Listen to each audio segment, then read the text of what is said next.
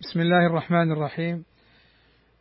إن الحمد لله نحمده ونستعينه ونستغفره ونعوذ بالله من شرور أنفسنا ومن سيئات أعمالنا. من يهده الله فلا مضل له ومن يضلل فلا هادي له. وأشهد أن لا إله إلا الله وحده لا شريك له. وأشهد أن محمدا عبده ورسوله. ألا وإن أصدق الكلام كلام الله وخير الهدى هدى محمد. وشر الأمور محدثاتها وكل محدثة بدعة وكل بدعة ضلالة وكل ضلالة في النار. أما بعد فمرحبا بكم أيها الإخوة الكرام عبر هذا اللقاء في إذاعة السنة من مكة المكرمة. نلتقي فيه مع إخواننا بهولندا. حفظهم الله تعالى. نتدارس معهم كلمة حول شهر رمضان وحول الصيام. والصيام كما هو معلوم هو الإمساك بنية عن الأكل والشرب والشهوة من تبين طلوع الفجر إلى غروب الشمس لقوله صلى الله عليه وسلم كما في الحديث القدسي يترك طعامه وشرابه وشهوته من اجلي وقوله عز وجل وكلوا واشربوا حتى يتبين لكم الخيط الأبيض من الخيط الأسود من الفجر ثم أتموا الصيام إلى الليل. ورمضان شرع صيامه في السنة الثانية من الهجرة وصيامه كما هو معلوم مقرر ركن من أركان الإسلام فيجب على كل مسلم ومسلمة بالشروط المعتبرة أن يصوم هذا الشهر. لقوله صلى الله عليه وسلم بني الإسلام على خمس شهادة أن لا إله إلا الله وأن محمدا عبده ورسوله وإقام الصلاة وإيتاء الزكاة وحج البيت وصوم رمضان. وفطر يوم من الشهر بلا عذر شرعي جاء فيه وعيد شديد حيث قال صلى الله عليه وسلم بين أنا نائم. فهذه رؤيا منامية ورؤيا الأنبياء حق ووحي. بين أنا نائم إذ أتاني رجلان فأخذا بضبعي فأتيا بي جبلا وعرا يعني صعبا إلى أن قال صلى الله عليه وسلم ثم انطلق بي. فإذا أنا بقوم معلقين بعراقيبهم مشققة أشداقهم تسيل أشداقهم دما. قال قلت من هؤلاء؟ قال هؤلاء الذين يفطرون قبل تحلة صومهم أي قبل دخول الوقت وقت الإفطار. فمن أمسك يومه ثم أفطر قبل نهاية اليوم توعد بهذا العذاب الشديد. فما هو حال من أفطر اليوم كله بل أفطر الشهر كله فهذا عليه أن يتقي عذاب الله وسخط الله وغضب الله عز وجل. فهذا من نصوص الوعيد التي يجب على المسلم والمسلمة أن يبتعدوا عن مخالفة شرع الله فيها. والصوم يجب على كل مسلم بالغ عاقل صحيح مقيم خال عن الموانع. فالكافر والمجنون لا يصح الصوم منهما. والصغير الذي لم يبلغ لا يجب عليه الصوم ولا يجوز إجباره على الصيام إذا كان لا يطيقه. ولكن يشرع إن كان يطيق الصيام أن يعوده عليه قبل بلوغه. لحديث عائشة رضي الله عنها عن النبي صلى الله عليه وسلم أنه قال رفع القلم عن ثلاثة عن النائم حتى يستيقظ وعن الصبي حتى يكبر وعن المجنون حتى يعقل. والمريض والمسافر لا يجب عليهما الصيام فلو أفطرا يقضيان ولو صاما صح صيامهما. والمرأة الحائض والنفساء فإنه يجب عليهما الفطر. ولا يجوز لهم الصيام.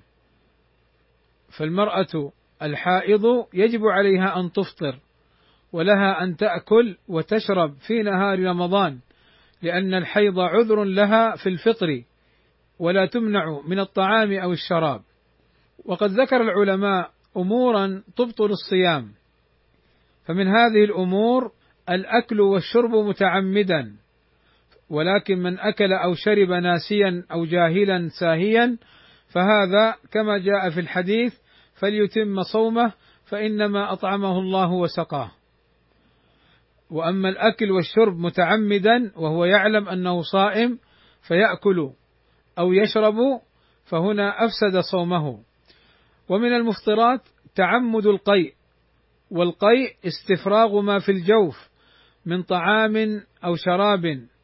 عن طريق إدخال اليد أو نحو ذلك مما يحرك النفس فتخرج ما بداخلها. فمن تعمد فعل ذلك فإنه يعتبر مفطرا. وأما من خرج منه القيء خرج ما بجوفه من طعام أو شراب دون تعمد بل خرج وغلبه فهذا لا شيء عليه. ما الدليل؟ الدليل قول النبي صلى الله عليه وسلم. من ذرعه القيء أي غلبه فخرج منه دون قصد ودون قدرته. من ذرعه القيء فليس عليه قضاء أي أن صومه صحيح. ومن استقاء أي من تعمد إخراج القيء عمدا ومن استقاء عمدا أي قصدا فليقضي لأنه قد أفطر بهذا الفعل.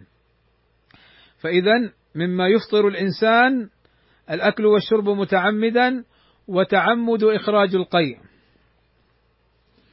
وبعض الناس قد يشم رائحة أو يدخل في حلقه شيئا لكي يستفرغ فهذا أيضا قد أفطر. أيضا مما يفطر الصائم الحيض والنفاس. فالمرأة إذا حاضت أو نفست فإن صيامها قد انقطع وتصبح مفطرة وتقضي يوما مكانه. وأيضا مما يفسد الصيام الجماع. وفيه حكم شرعي أيضا غير كونه أفطر فإن عليه أن يصوم شهرين كاملين كفارة لفعله. ومما يفطر الإنسان الحقن المغذية الإبر المغذية تفطر. وأما الإبر التي يقصد بها البنج وتسكين الألم ونحو ذلك فإنها لا تفطر على الصحيح من قول أهل العلم.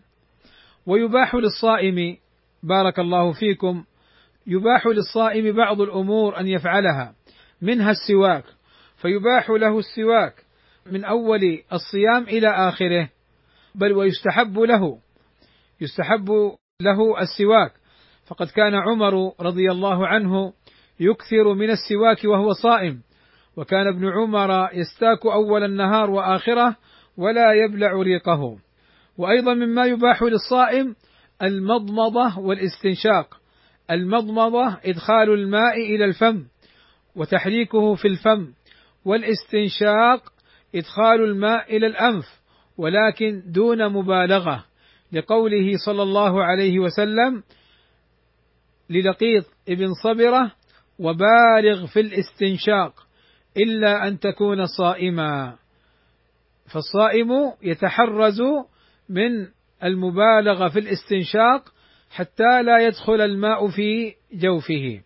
ومن الأمور التي يباح للصائم فعلها ذوق الطعام بطرف اللسان ليعرف ما فيه من ملوحة أو نحو ذلك.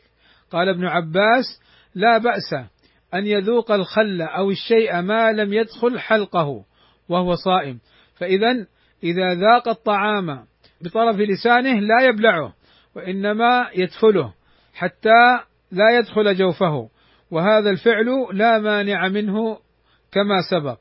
أيضا مما يباح للصائم فعله أن يصبح جنبا أي أن يدخل عليه وقت الفجر وهو جنب من أهله فإنه له أن يفعل ذلك ثم يغتسل ويصلي الفجر. فعن عائشة أم المؤمنين رضي الله عنها وأرضاها أن رسول الله صلى الله عليه وسلم كان يدركه الفجر وهو جنب من أهله ثم يغتسل ويصوم.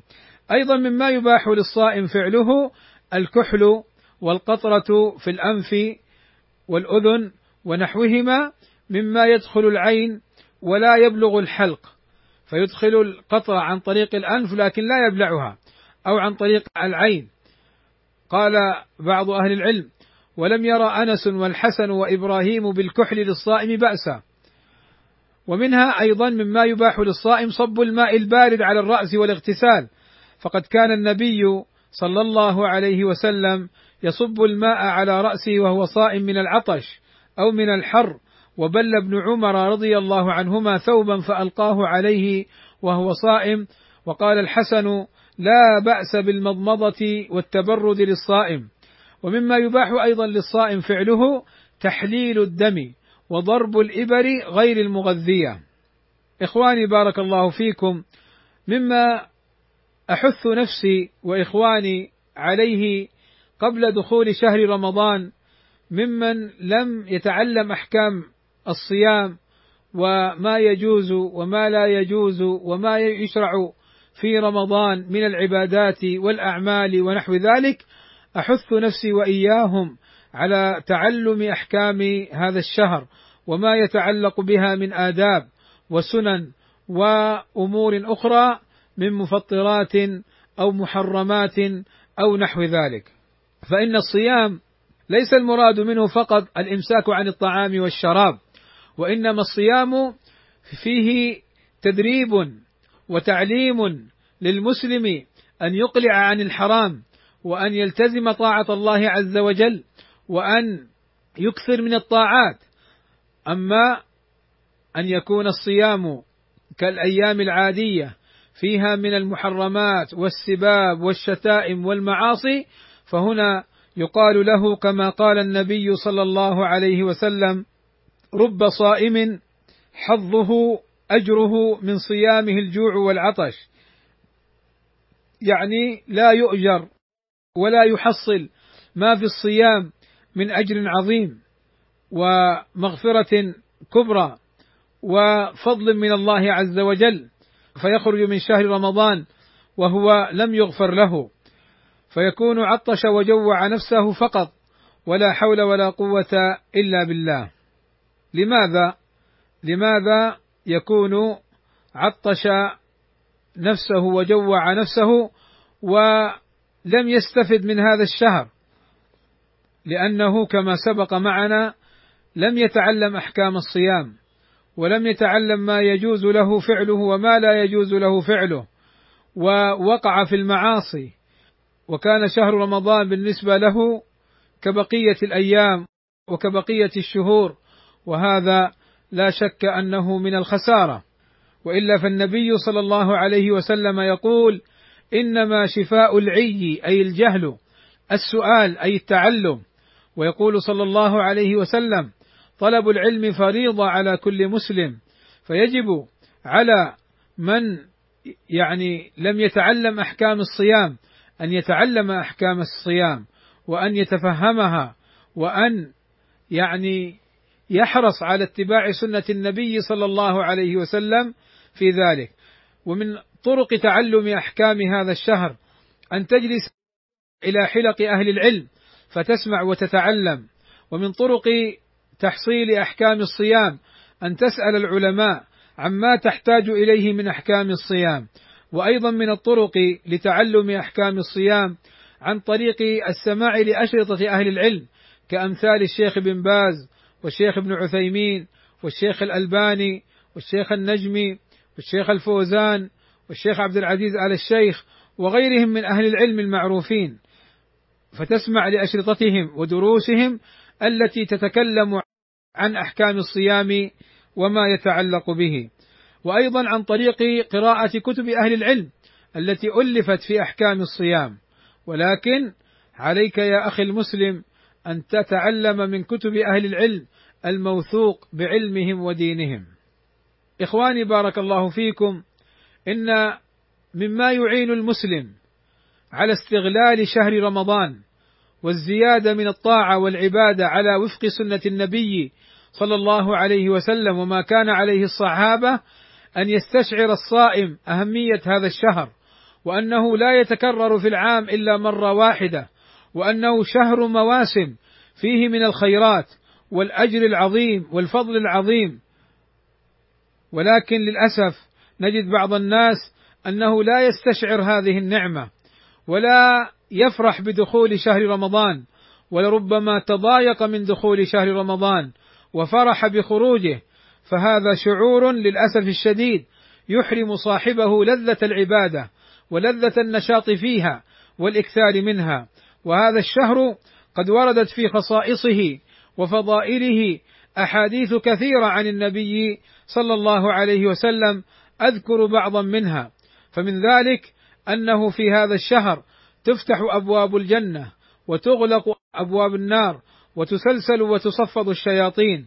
قال صلى الله عليه وسلم إذا جاء رمضان فتحت أبواب الجنة وغلقت أبواب النار وصفدت الشياطين وأجر صيامه عظيم عند الله فهو إليه ورائحة الصائم أطيب عند الله من ريح المسك.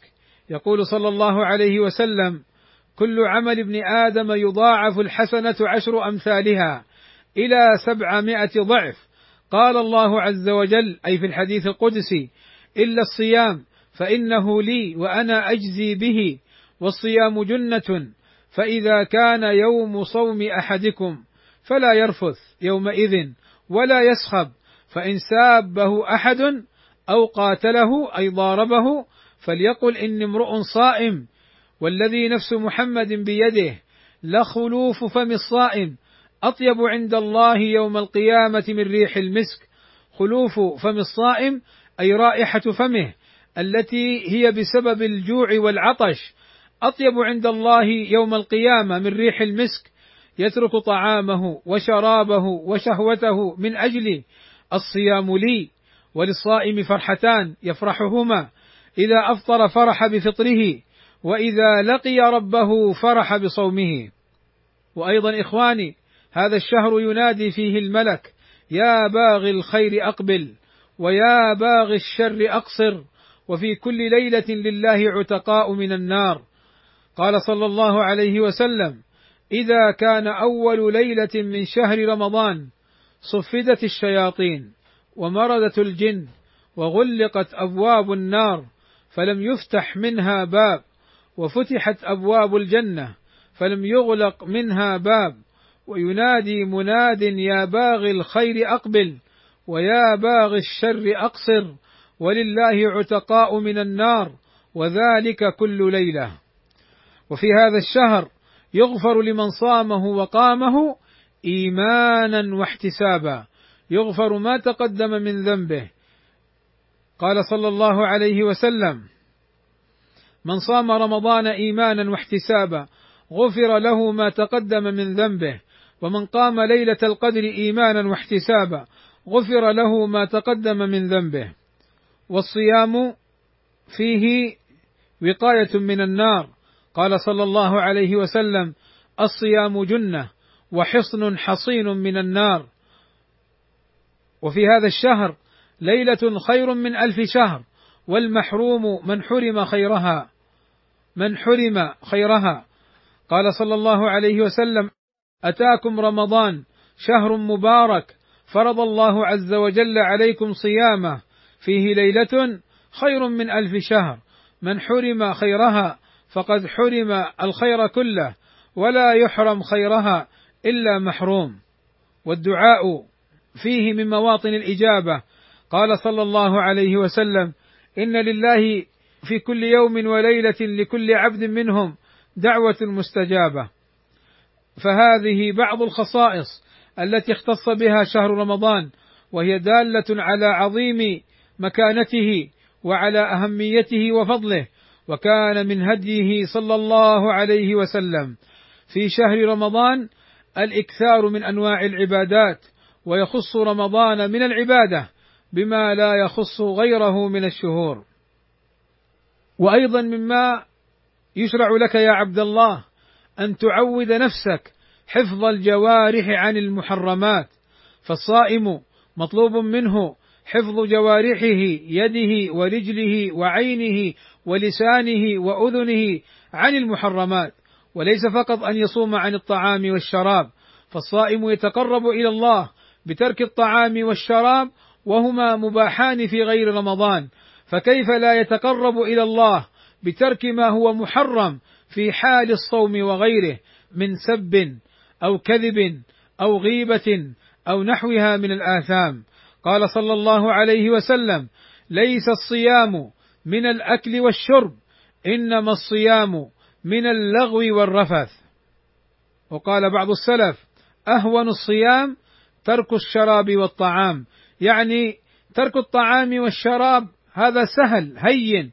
ولكن أن تترك المحرمات وأنت صائم هذا أمر يحتاج منك إلى مجاهدة وإلى زيادة حرص على ترك المحرمات.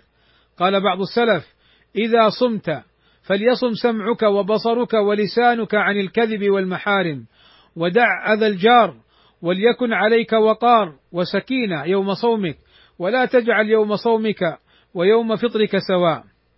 ومما أحث نفسي وإخواني عليه الحرص على استغلال نهار رمضان في العبادة والطاعة من التنفل بالصلاة وقراءة القرآن والأذكار والعمل الصالح. فيعود الصائم نفسه بأن يبتعد عن اللهو واللعب وعن تضييع الوقت بالعبث بالجوال أو بالأمور المباحة فضلا عن أن يضيع الوقت في أمور محرمة بأن يشاهد المسلسلات المحرمة. فلا شك أنه ضيع نهاره ويكاد يفسد صومه. فلا ينبغي له أن يضيع نهاره بالنوم أيضا. والمشكلة تظهر إن فاتته الصلاة في أوقاتها جماعة. فيكون فوت على نفسه أمرين الصلاة لوقتها وأدائها في جماعة. والإنسان إذا عود نفسه ومرنها على أعمال العبادة في حال الصيام سهل عليه ذلك. وإذا عود نفسه الكسل والخمول والراحة صار لا يألف إلا ذلك. وصعبت عليه العبادات والأعمال حال الصيام. وأيضا مما أحث نفسي وإخواني أن نستغل شهر رمضان للتوبة فإن رمضان تفتح فيه أبواب الجنان وتغلق فيه أبواب النيران فبلوغ هذا الشهر نعمة عظيمة على من يسره الله عز وجل عليه فعليه أن يحرص على أن يستغله بالتوبة. يقول بعض أهل العلم وأظنه ابن رجب رحمه الله تعالى فبلوغ شهر رمضان وصيامه نعمة عظيمة على من أقدره الله عليه. كم ممن أمل أن يصوم هذا الشهر فخانه أمله فصار قبله إلى ظلمة القبر. كم من مستقبل يوما لا يستكمله ومؤمل غدا لا يدركه. من حرم في رمضان فهو المحروم ومن حرم خيره فهو المحروم. ومن لم يتزود لمعاده فيه فهو ملوم. إلى أن قال فالحذر الحذر من المعاصي فكم سلبت من نعم وكم جلبت من نقم وكم خربت من ديار وكم أخلت ديارا من أهلها فما بقي منهم ديار كم أخذت من العصاة بالثار كم محت لهم من آثار انتهى. وللأسف الشديد يقع بعض المسلمين في الازدياد من المعاصي والمحرمات وكأن شياطينهم لم تسلسل وأخشى أن يدخلوا تحت قول النبي صلى الله عليه وسلم لما صعد المنبر فلما رقى عتبة قال آمين ثم رقى درجة أخرى فقال آمين ثم رقى درجة أخرى فقال آمين ثم قال صلى الله عليه وسلم أتاني جبريل فقال يا محمد من أدرك رمضان فلم يغفر له فأبعده الله قل آمين فقلت آمين. ثم قال ومن أدرك والديه أو أحدهما فدخل النار فأبعده الله قل آمين فقلت آمين. قال ومن ذكرت عنده فلم يصل عليك فأبعده الله قل آمين فقلت آمين.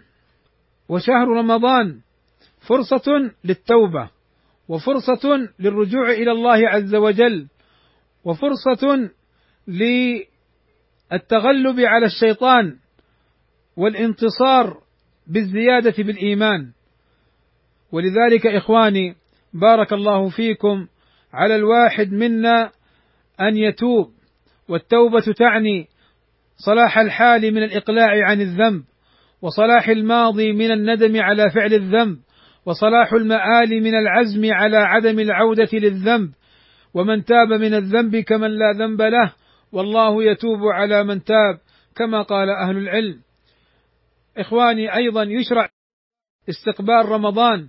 فقد كان النبي صلى الله عليه وسلم إذا رأى الهلال قال اللهم أهله علينا باليمن والإيمان والسلامة والإسلام ربي وربك الله.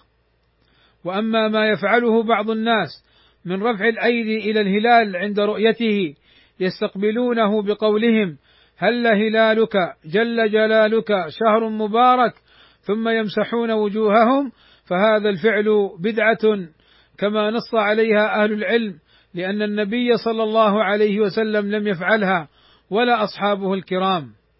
ومما أنبه عليه إخواني أنه إذا انتصف شهر شعبان وكان الواحد منا لم يصم من قبله وليس عليه قضاء ولم يعود نفسه صيام الاثنين والخميس أو صيام يوم وإفطار يوم أو صيام ثلاثة أيام من كل شهر فإنه لا يصومه. لقول النبي صلى الله عليه وسلم إذا كان النصف من شعبان فلا صوم حتى يجيء رمضان. وفي لفظ إذا انتصف شعبان فلا تصوموا. وكذا لا يجوز أن يصوم قبل رمضان بيوم أو يومين وهو يوم الشك. أن يصوم قبل رمضان بيوم وهو يوم الشك أو أن يصوم قبل رمضان بيومين.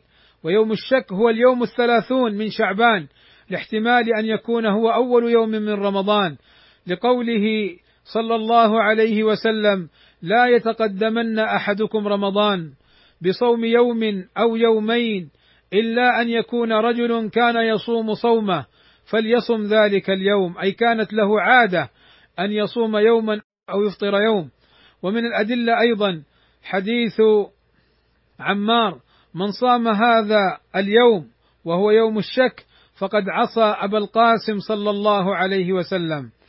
أما من كان معتادا الصيام من قبل منتصف شعبان كأن كان يداوم على صيام الاثنين والخميس أو صيام يوم وإفطار يوم أو صيام ثلاثة أيام من كل شهر فله أن يصوم بعد منتصف شعبان كما دل عليه قوله صلى الله عليه وسلم إلا أن يكون رجل كان يصوم صومه فليصم صومه. والسبب في النهي عن تحريم صوم اليوم عن تحريم صوم يوم الشك السبب في ذلك حتى لا يتخذ ذريعة إلى أن يلحق برمضان ما ليس منه وما فيه من الطعن في رؤية الهلال لأن النبي صلى الله عليه وسلم قال صوموا لرؤيته وأفطروا لرؤيته. والذي يصوم يوم الشك قبل رؤية الهلال فوافق صومه ذلك اليوم أول دخول رمضان قال أهل العلم لا يجزئه لكونه لم لم يبن صومه على أساس شرعي ولأنه يوم شك وقد دلت السنة على تحريم صومه وعليه قضاؤه وهذا قول أكثر أهل العلم. ومن صام يوم الشك بنية صوم رمضان فقد وافق أهل البدع في صيامهم.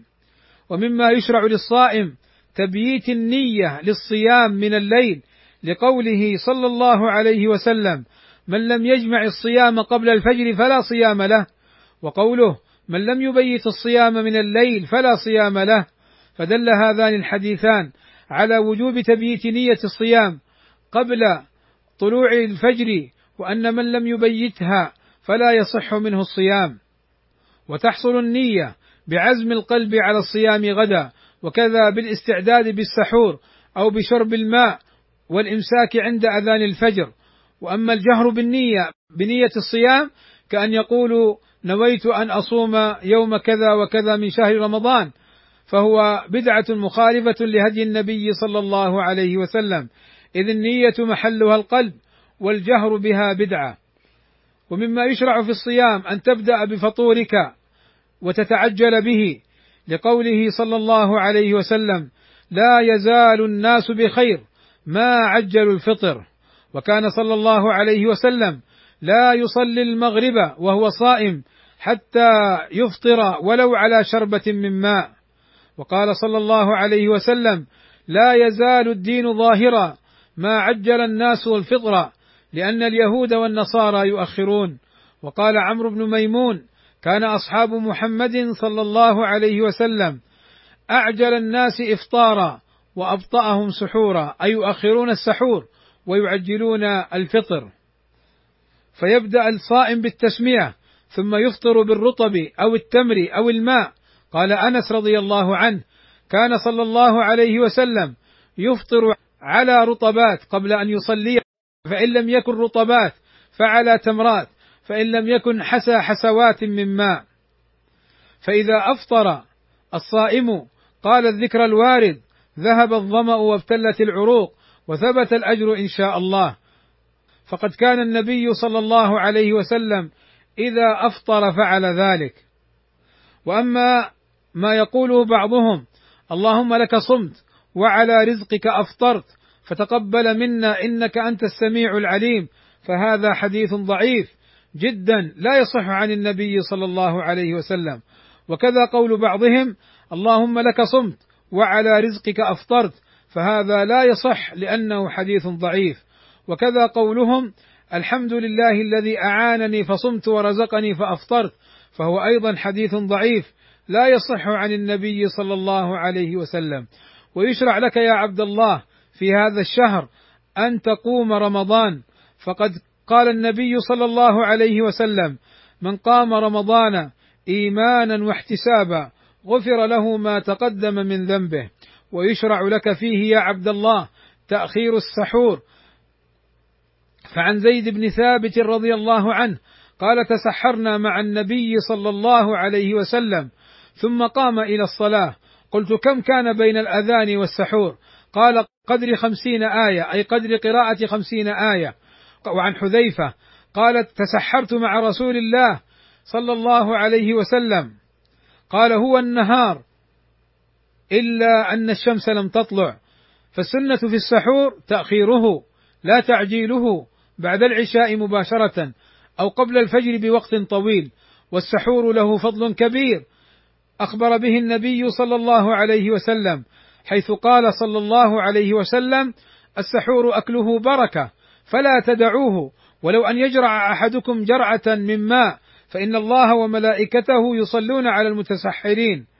وسماه النبي صلى الله عليه وسلم الغداء المبارك. والفرق بين صيامنا وصيام اليهود والنصارى السحور. فقال صلى الله عليه وسلم فصل أي فرق وتميز فصل ما بين صيامنا أي المسلمين وصيام أهل الكتاب أي اليهود والنصارى أكلة السحر. ويشرع في رمضان الاعتكاف بلزوم المسجد مدة من الزمان. فقد كان صلى الله عليه وسلم يعتكف العشر الأواخر من رمضان. وليلة القدر في هذا الشهر إخواني بارك الله فيكم من الأمور المرغب فيها. فقد حث عليها النبي صلى الله عليه وسلم كما سبق معنا. وكذا قال اطلبوا ليلة القدر في العشر الأواخر فإن غلبتم فلا تغلبوا في السبع البواقي. ويشرع أن تقول يا عبد الله الحديث الذي روته عائشة رضي الله عنها قالت قلت يا رسول الله أرأيت إن وافقت ليلة القدر ما أقول فيها؟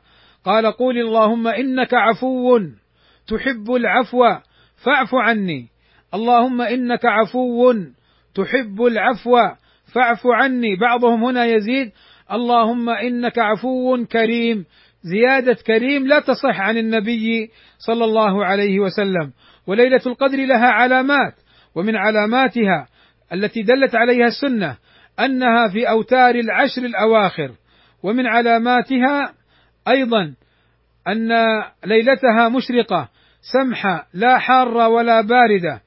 ومن علاماتها أيضا التي أخبرت بها السنة أن الملائكة في الأرض ليلتها أكثر من عدد الحصى فيحصل بها الاطمئنان والراحة.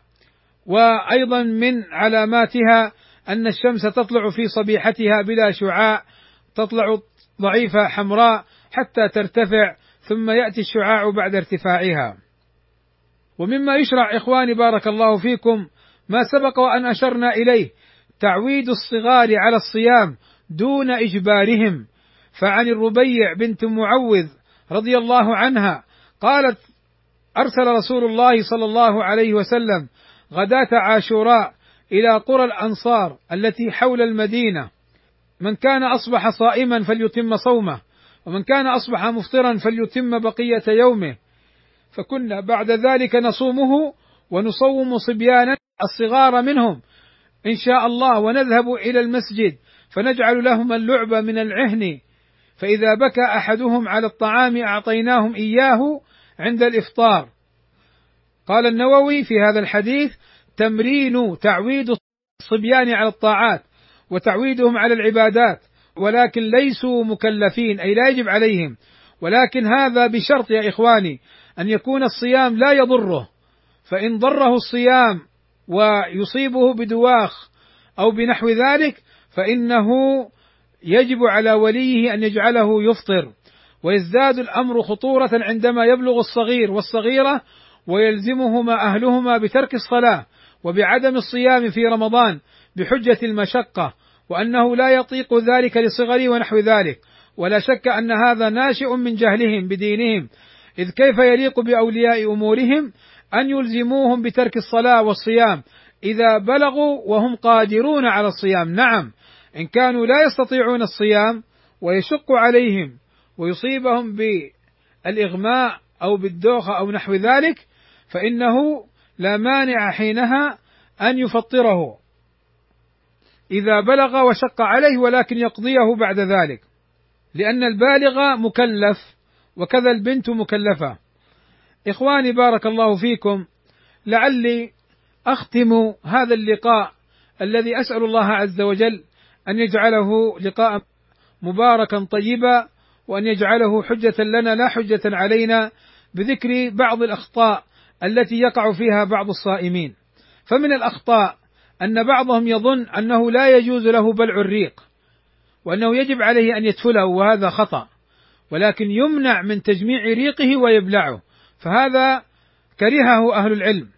ومن الأخطاء أن بعض الصائمين إذا توضأ لا يدخل الماء في أنفه خوفا من دخوله في حلقه وهذا خطأ. إذ الممنوع المبالغة وأما إدخاله في أطرافه وفي مبادئ أنفه فإنه لا يمنع من ذلك. ومن الأخطاء أيضا أنه يظن أن الصائم يمنع من استعمال الطيب وشم الروائح الجميلة. فهذا لا مانع منه. ومن الأخطاء ظن بعضهم أن الصائم ينبغي أن يكون متقشفا وأنه يجلس في الحر أو لا يتبرد أو لا يتروح ولا يغتسل بالماء البارد وهذا كله من الأخطاء. فهذه من الأمور التي تجوز للصائم أن يفعلها. ومن الأخطاء ظن بعضهم أن الصائم إذا كان نائما ثم احتلم خرج منه المني وهو نائم أن صومه فسد وأن عليه قضاء والصواب أن صومه صحيح ولا قضاء عليه. ومن الأخطاء أن بعض الصائمين يدخل في فمه شيء يمدغه من نحو قطعة البلاستيك أو النايل أو نحو ذلك فهذا لا يجوز. فهذا لا يجوز له فعله لأنه يولد قد يستولد منه شيئا ونحو ذلك فلا يجوز فعله. ومن الأخطاء أن بعض الصائمين إذا أكل أو شرب وهو صائم في نهار رمضان ناسيا غير متعمد يظن أن صومه فسد أو أن أجره قل وأنه يجب عليه القضاء فهذا خطأ فصومه صحيح وإنما أطعمه ربه وسقاه ولا قضاء عليه. إخواني بارك الله فيكم. هذه جملة من النصائح والفوائد والأحكام المتعلقة بالصيام. أردت أن أتدارسها معكم وأتذاكرها لأن المسلم ينبغي له أن يتعلم والمتعلم ينبغي له أيضا أن يراجع وأن يذاكر إخوانه العلم. فهذا باب عظيم. فأسأل الله عز وجل أن ينفعني وإياكم بما سمعنا وأن يكون حجة لنا لا حجة علينا. وأسأله سبحانه وتعالى أن يبلغنا رمضان. وإذا بلغنا رمضان أسأله أن يجعلنا ممن يدرك هذا الشهر فيستغله في طاعته ويبتعد عن معصيته ويكتب له المغفرة والرحمة ويكون فيه من عتقاء النار ومن المقبولين. وأسأله سبحانه وتعالى أن يغفر لمن مات ولم يمكنه إدراك هذا الشهر من إخواننا المسلمين. اساله سبحانه وتعالى أن يغفر لهم وأن يرحمهم وأن يمن عليهم بالمغفرة والقبول وأن يتجاوز عن سيئاتهم. إنه غفور رحيم. وفي هذا القدر كفاية. وصلى الله وسلم على نبينا محمد وعلى آله وصحبه أجمعين. والحمد لله رب العالمين.